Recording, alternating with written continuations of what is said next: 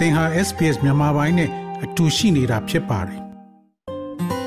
SBS မြန်မာပိုင်းကို အင်ကာနဲ့စနေနေ့ည10:00နာရီမှနားဆင်နိုင်တယ်လို့အွန်လိုင်းကနေလည်းအချိန်မီနားဆင်နိုင်ပါပြီ။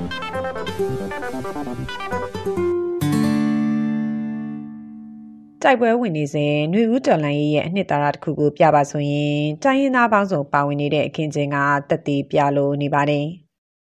လက်နက်ကကြိုက်ပွဲဝင်နေတဲ့တိုင်းရင်းသားလူမျိုးစုံသားမက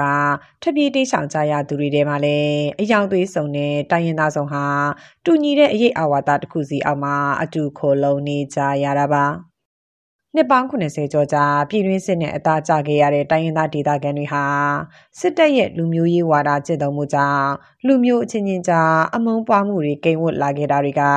အခုတော်လှန်ရေးမှာတော့ပြောင်းလဲမှုတစုံတရာတွေ့မြင်ခဲ့ရပါပြီ။ ထိုင်းမြန်မာနယ်စပ်မဲဆောက်မြို့မှာ စစ်ဘေးတိမ်းရှောင်လာရင်ဗမာတိုင်းရင်းသားတွေနဲ့အတူ ကျောင်းတက်ပညာသင်နေတဲ့ ဆယ်ကျော်သက်အရွယ် ကရင်လူမျိုး စောစင်မင်းထက်က သူ့ခန်းစားချက်ကို အခုလိုဆိုပါတယ် ကျွန်တော်ကရင်လူမျိုးတယောက်ပါစာလူကြီးတွေပြောခဲ့တဲ့ စကားတစ်ခုကြားဖို့ရတယ် ဗမာလူမျိုးမကောင်းဆိုတဲ့ စကားတစ်ခုပါ ဘာဖြစ်လဲဆိုတော့ စစ်သားတွေက ကျွန်တော်တို့ ကရင်လူမျိုးမျိုးမျိုးဒုက္ခပေးတယ်ပေါ့ အရင်ကဆိုဒါပေမဲ့စစ်ခဏခဏဖြစ်စစ်ခဏဖြစ်ကျွန်တော်တို့လည်း ခဏခဏပြေးရတယ် ပြေးရတယ်ဆိုတော့ ဗမာလူမျိုးမလုံးဝမကောင်းလို့ထင်ခဲ့ပြီးတော့ရှုလူတွေကပြောတာပေါ့ဒီမှာလူမျိုးတွေကအကျင့်မကောင်းဇာရိတလည်းလုံးဝမကောင်းပြက်ပြားတယ်လို့ပြောပြပြောပြခဲ့ဒါပေမဲ့အခုအချိန်မှာကျွန်တော်သိလိုက်ရတာကျွန်တော်ကမြန်မာတငယ်ချင်းဗမာတငယ်ချင်းရလာတော့ကျွန်တော်သိလိုက်တာလူမျိုးတိုင်းမှာကောင်းတဲ့လူကရှိတယ်လို့မကောင်းတဲ့လူလည်းရှိပါတယ်အဲဒါကြောင့်ဗမာလူမျိုးမကောင်းဘူးဆိုတဲ့စကားမားပါတယ်ဆိုတာကျွန်တော်သိရပါတယ်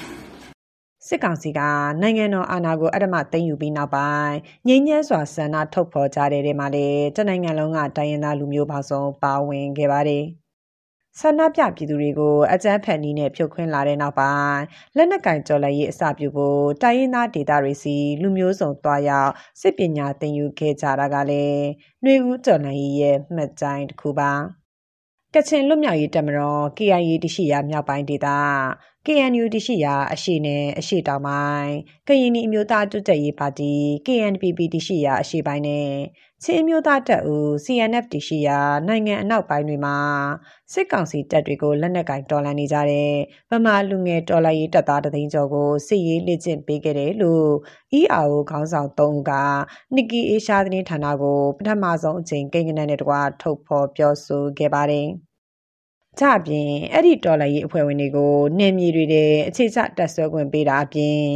စစ်ရေးနိုင်ငံရေးနဲ့ထောက်ပံ့ပို့ဆောင်ရေးတွေကိုကူညီပံ့ပိုးပေးနေတယ်လို့လည်းဖော်ပြခဲ့ပါတယ်။ဒါဟာတိုင်းရင်းသားမျိုးနွယ်စုအသီးသီးကလူသားအရင်းမြစ်တွေအနေနဲ့အာဏာရှင်စနစ်ကိုခုခံတော်လှန်ရင်းနေမြေအသီးသီးကကာကွယ်ရေးတပ်စုတပ်ဖွဲ့တွေမှာလည်းစီစီလုံးလုံးရှိနေတဲ့အခြေအနေကိုထင်ဟပ်ပြနေတာလည်းဖြစ်ပါတယ်။ ကရင်မျိုးသားစီယုံ KNU လက်အောက်ခံငကနီစစ်ကြောင်းကတပ်စိန်မှုလည်းဖြစ်ပြီးတိုင်းရင်းသားနယ်မြေတွေကိုရောက်လာတဲ့ဗမာတိုင်းရင်းသားတဦးဖြစ်သူရဲဘော်နဂါကကျွန်တော်အမှန်တမ်းပြောရရင်ရှက်တယ်ဗျဗမာလူမျိုးကြီးွာတော့သူတို့တွေကြောင်းမနော်ကျွန်တော်ရှက်ခဲ့ရတယ်အာကရင်တိုင်းသားတွေဒီသူတို့ကလူတွေမုန်းတာမဟုတ်လေစနစ်တွေမုန်းတာဆိုတော့ကျွန်တော်တို့တော့သူတို့မမုန်းမမုန်းလို့ပဲကျွန်တော်တို့ဒီကျောင်းမိခင် KNU ကကျွန်တော်တို့စစ်ပညာတင်ပြပေးတာပေါ့ တိုင်းသားတွေတန်လို့ညီများအခွင့်အရေးရရှိရမယ်ကျွန်တော်လွတ်လပ်ပြီးတရားမျှတတဲ့ကျွန်တော်မြန်မာနိုင်ငံတော်ဒီမိုကရေစီနိုင်ငံပေါ့နော်အဲ့လိုမျိုးဖြစ်လာမယ်လို့လည်းယုံကြည်ရဗျယုံကြည်လို့လည်းကျွန်တော်တို့တွေဒီဒီကျွန်တော်ရက်တည်နေတာပေါ့ကျွန်တော်ကတော့ဖြစ်ခဲ့ရတယ်ကျွန်တော်ပြန်ပြီးတော့အတွေ့အကြုံပဲယူခြင်းတယ်တင်ကန်းလာပဲယူခြင်းတယ်ကျွန်တော်အဲ့ဒါတွေကျွန်တော်ပြန်ပြီးတော့အနာဂတ်ကာလကိုကျွန်တော်ဆွဲမခေါ်လာခြင်းကျွန်တော်လက်ရှိအနာဂတ်မှာကျွန်တော်တို့ဘာတွေကောင်းအောင်ဆက်လုပ်မလဲကျွန်တော်နိုင်ငံဒီတဲ့တိုးတက်ဖို့ကျွန်တော်ဘာတွေဆက်လုပ်မလဲကျွန်တော်ဒီနိုင်ငံတိုးတက်ဖို့အတွက်ကျွန်တော်တို့အားလုံး ပြည်သူလူထုနဲ့ကျွန်တော်တို့ PDF တွေအကုန်လုံးလက်ရှိတော်လိုင်းအင်အားစုအကုန်လုံးဒီချိန်မှာကျွန်တော်တို့ဘုံရံတော့တစ်ခုပဲအဲ့ဒါကိုပဲကျွန်တော်အာရုံစိုက်ရမယ်ပြီးခဲ့တာယူထိုင်ပြီးတော့အပြစ်ပြောနေမယ်ဆိုရင်ကျွန်တော်အရှိကိုရောက်မှာပို့တော့နိုင်ငံတော်ဝန်လက်နက်ကိုင်တိုက်ပွဲတွေကြောင့်အခုဆိုရင်တနိုင်ငံလုံးအတိုင်းအတာအရစစ်ရှောင်းဥယေဟာ1.4တန်းကျော်ရှိနေပြီလို့ ISP မြန်မာကထုတ်ပြန်ထားပါတယ်။ တိုင်းရင်းသားနယ်မြေတွေကကာကွယ်ရေးတပ်စခန်းတွေနဲ့စစ်ဆောင်စခန်းတွေမှာကချင်၊ကယား၊ကရင်၊ချင်းပါဝင်တိုင်းရင်းသားမျိုးနွယ်စုအသီးသီးရှိနေကြပြီးမတူကွဲပြားတဲ့အစ္စလမ်၊ဟိန္ဒူ၊ခရစ်ယာန်ဗုဒ္ဓဘာသာဝင်တွေပါအတူတူပူးပေါင်းနေထိုင်နေကြတာပါမျက်ရည်သွေးချွေးတွေနဲ့ရင်းနှီးတိဆောက်ခဲ့ကြရကအချင်းချင်းကြားစာနာနားလည်ဖေးမမှုတွေဟာလက်ရှိမှာတော့အရာချင်းခဲ့ပါပြီ အရင်ကမျက်ကွယ်ပြုခဲ့တဲ့အခြေအနေတွေကိုလည်းတောင်းပန်ရင်အမုန်းတရားတွေကိုခြေဖြတ်ရင်တူညီတဲ့ပန်းနိုင်စီရောက်ဖို့ခရီးပြုကြရင်အတူတကွရှင်တွဲနေထိုင်ခြင်းလို့အတိတ်ပဲဖွင့်ဆိုနိုင်မယ်ဖက်ဒရယ်နိုင်ငံဖြစ်လာဖို့အတွက်ကိုလည်းကြိုက်ပွဲဝင်နေကြပါတယ်မြမအရေးလိလာသုံးသပ်သူတွေရဲ့မှတ်ချက်မှာတော့ဒီຫນွေဦးတော်လည်းရေးဟာ290ကျော်ကြာစောင့်ဆိုင်ခဲ့ရတဲ့တိုင်းရင်းသားလူမျိုးနယ်စုအစုံပါဝင်လာနိုင်တဲ့တော်လှန်ရေးဖြစ်တယ်လို့ဆိုကြပါတယ်။ ဒီလိုပန်းနိုင်တူတာကြောင့်လည်းမတူကွဲပြားသူတွေအတူတကွာရှင်တွဲနေထိုင်နိုင်လာကြတာဖြစ်တယ်လို့ပြောလာသူကတော့ KNU တပ်မဟာခုနှစ်နေမြေထဲမှာတားဖြစ်သူ PDF ရဲဘော်တူနဲ့အတူလိုက်ပါနေထိုင်နေတဲ့ကရင်ကော်ရခါလူမျိုးဒေါ်လှလှချွေပါ။လူတိုင်းကြီးတော့မဟုတ်ဘူးတချို့တလေရဲ့စိတ်ထဲမှာကျတော့ကိုယ့်လူမျိုးဆွဲကိုယ်ဝါဒဆွဲအဲ့လိုမျိုးလေးတော့ရှိရအန်ဒီမြင်တယ်အကုန်လုံးတော့သူတို့ခွာမချနိုင်ဘူးလို့အန်ဒီထင်တာပဲဖက်ဒရယ်ဆိုတာကိုဒိုချင်လာကြတယ်ပေါ့ ဒိုချင်လာကြတဲ့အခါကျတော့ဒါကတွန်းအားတစ်ခုတော့ဖြစ်မယ်လို့မြင်တယ်လေပန်းနိုင်တူကြတဲ့အခါကျတော့တယောက်နဲ့တယောက်ကတော့စင်တီအောင်လို့လို့ညှိပြီးတော့နေကြတယ်ဟိုကူညီစရာရှိကူညီတယ်ပေါ့နော်စိတ်ထဲမှာရှိနေရင်တော့မှအဲ့လိုမျိုးတိကျန်ပြီးတော့နားလည်ပေးကြတယ်အဲ့လိုမျိုးဖြစ်လာတော့တော်တော်လေးတော့တိုးတက်လာတယ်လို့မြင်တယ် အာနာရှင်စန့်ကြည်ရေးမှာလူမျိုးပေါင်းစုံတဟဆာတာဖြစ်မှုကိုတွေ့မြင်ရပေမဲ့စစ်ကောင်စီကကြံစီနေတဲ့ရွေးကောက်ပွဲကတော့လက်နက်ကိုင်ပဋိပက္ခတွေကိုပိုလာစေနိုင်ပြီးတိုင်းပြည်ပြိုကွဲခြင်းဘက်ကိုဥတီနိုင်တယ်လို့ EAO ခေါင်းဆောင်တွေကတတိပေးပြောဆိုထားပါတယ်။ လက်ရှိအခြေအနေအရစစ်ကောင်စီအနေနဲ့ထိန်းချုပ်နေမြေတွေဆုံးရှုံးနေပြီဆိုတဲ့တပ်တွေကတော့စစ်တပ်ကအစဉ်အလာရထိန်းချုပ်ထားနိုင်တဲ့ဗမာဗုဒ္ဓဘာသာလူမျိုးတွေနေထိုင်ရာအလဲပိုင်းဒေသတွေအထိတော်လှန်ရေးအင်အားစုတွေကနေမြေထိန်းချုပ်ဆုံးမိုးထားနိုင်တာပါဒါပြင်တိုင်းရင်းသားလက်နက်ကိုင်တွေထိန်းချုပ်ရာနယ်မြေအတွင်းနိုင်ငံဝန်ထမ်းတွေရဲ့အာဏာဖီဆန်ရေးလှုပ်ရှားမှု CDM နဲ့အတူစစ်ကောင်စီရဲ့အုပ်ချုပ်ရေးရန်ရာဟာလည်းအကြီးအကျယ်အားနည်းရုပ်ရောခဲ့ပါတယ်။ ဒီအခြေအနေပေါ်အခွင့်ကောင်းယူပြီးတိုင်းရင်းသားလူမျိုးစုံပါဝင်တဲ့အနာဂတ်ဖက်ဒရယ်တည်ထောင်နိုင်ဖို့ဆိုရင်တာဝန်ယူထားတဲ့ခေါင်းဆောင်ပိုင်းတွေအနေနဲ့ပုံမဂရုပြုသတိချက်ဖို့လိုတယ်လို့မြန်မာ Civil War Museum ကသူတည်တည်တူဖြစ်သူကိုရဲဟိန်အောင်ကပြောပါတယ်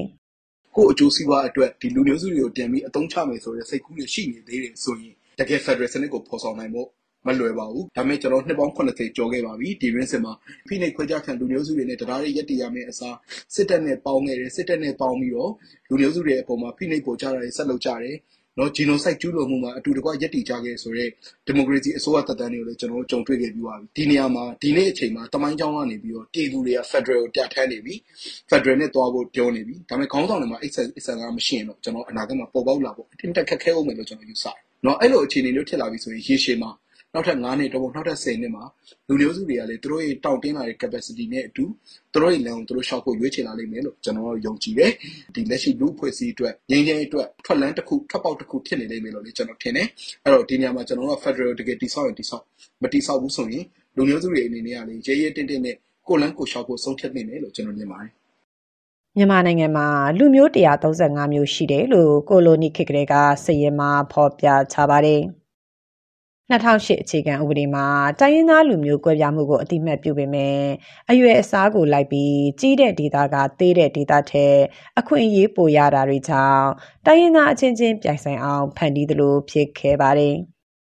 အမျိုးဘာသာသာသနာဆိုတဲ့အမျိုးသားရေးဝါဒကိုအစိုးရအဆက်ဆက်ကအကောင့်ထဲပေါ်ဖို့ကြိုးပမ်းခဲ့တာကြောင့်290ကျော်ပြည်တွင်းစစ်ဖြစ်နေတာလို့စစ်အာဏာသိမ်းပြီးနောက်ပေါ်ထွက်လာတဲ့ဂျားကာလအစိုးရ NUG ကဆိုထားပါတယ်။ ပြည်တွင်းစစ်ကိုအဆုံးသတ်ပြီးတိုင်းရင်းသားအလုံးငြင်းချဲစွာရှင်တွဲနေထိုင်နိုင်တဲ့ပြည်ထောင်စုကိုတည်ထောင်လို့ရင်အမျိုးဘာသာသာသနာကိုအခြေခံတဲ့အမျိုးသားရေးဝါဒကိုစွန့်လွတ်မှသာ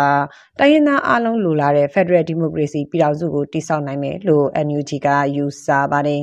။လက်ရှိမှာတော့တိုင်းရင်းသားအင်အားစုတွေနဲ့ဆက်ဆံရေးတိစောက်နေဖို့နဲ့ပတ်သက်ပြီး NUG ရဲ့တမရယုံပြောခွင့်ရဦးကျော်စောကတော့ဒီຫນွေဦးဒေါ်လာကြီးက တိုင်းရင်းသားပြည်သူလူထုတရက်လုံးရဲ့တော်လှန်ရေးပါပြည်သူလူထုလို့ပြောတဲ့အခါမှာတိုင်းရင်းသားဒီတိုင်းရင်းသားတွေနဲ့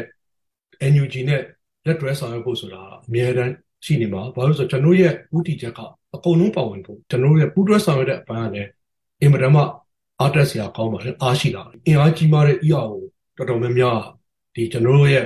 NUG နဲ့ပူးတွဲပြီးတော့ຫນွေဦးဒေါ်လာရေးမှာပူးတွဲပြီးတော့အထဲထဲဝင်အတူတကွ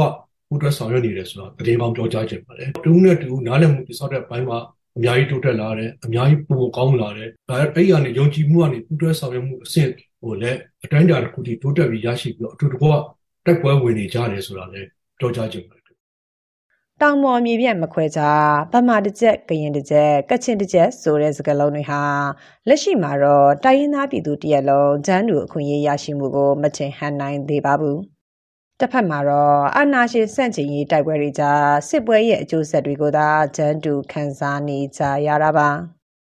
ဒီအခြေအနေတွေကနေလွန်မြောက်ဖို့နဲ့ချမ်းတူခွင့်ရေးတွေပိုင်ဆိုင်နိုင်တဲ့အနာဂတ်ဖက်ဒရယ်ပန်းနိုင်ရောက်ဖို့ဆိုရင်အခုကတည်းကလက်တွဲပူပေါင်းတိုက်ပွဲဝင်ခြင်းကသာတခုရီသောနီလန်ဖြစ်တယ်ဆိုတာကို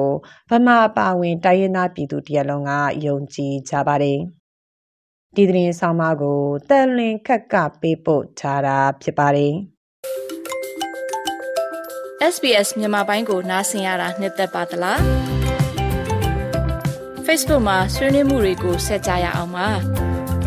SBS မြန်မာပိုင်း Facebook ကို like လုပ်ပြီးတော့သင်ချင်တဲ့ချက်ကိုမျှဝေနိုင်ပါတယ် SBS Bemis ကို Facebook မှာ share ကြည့်နိုင်ပါတယ်ရှင်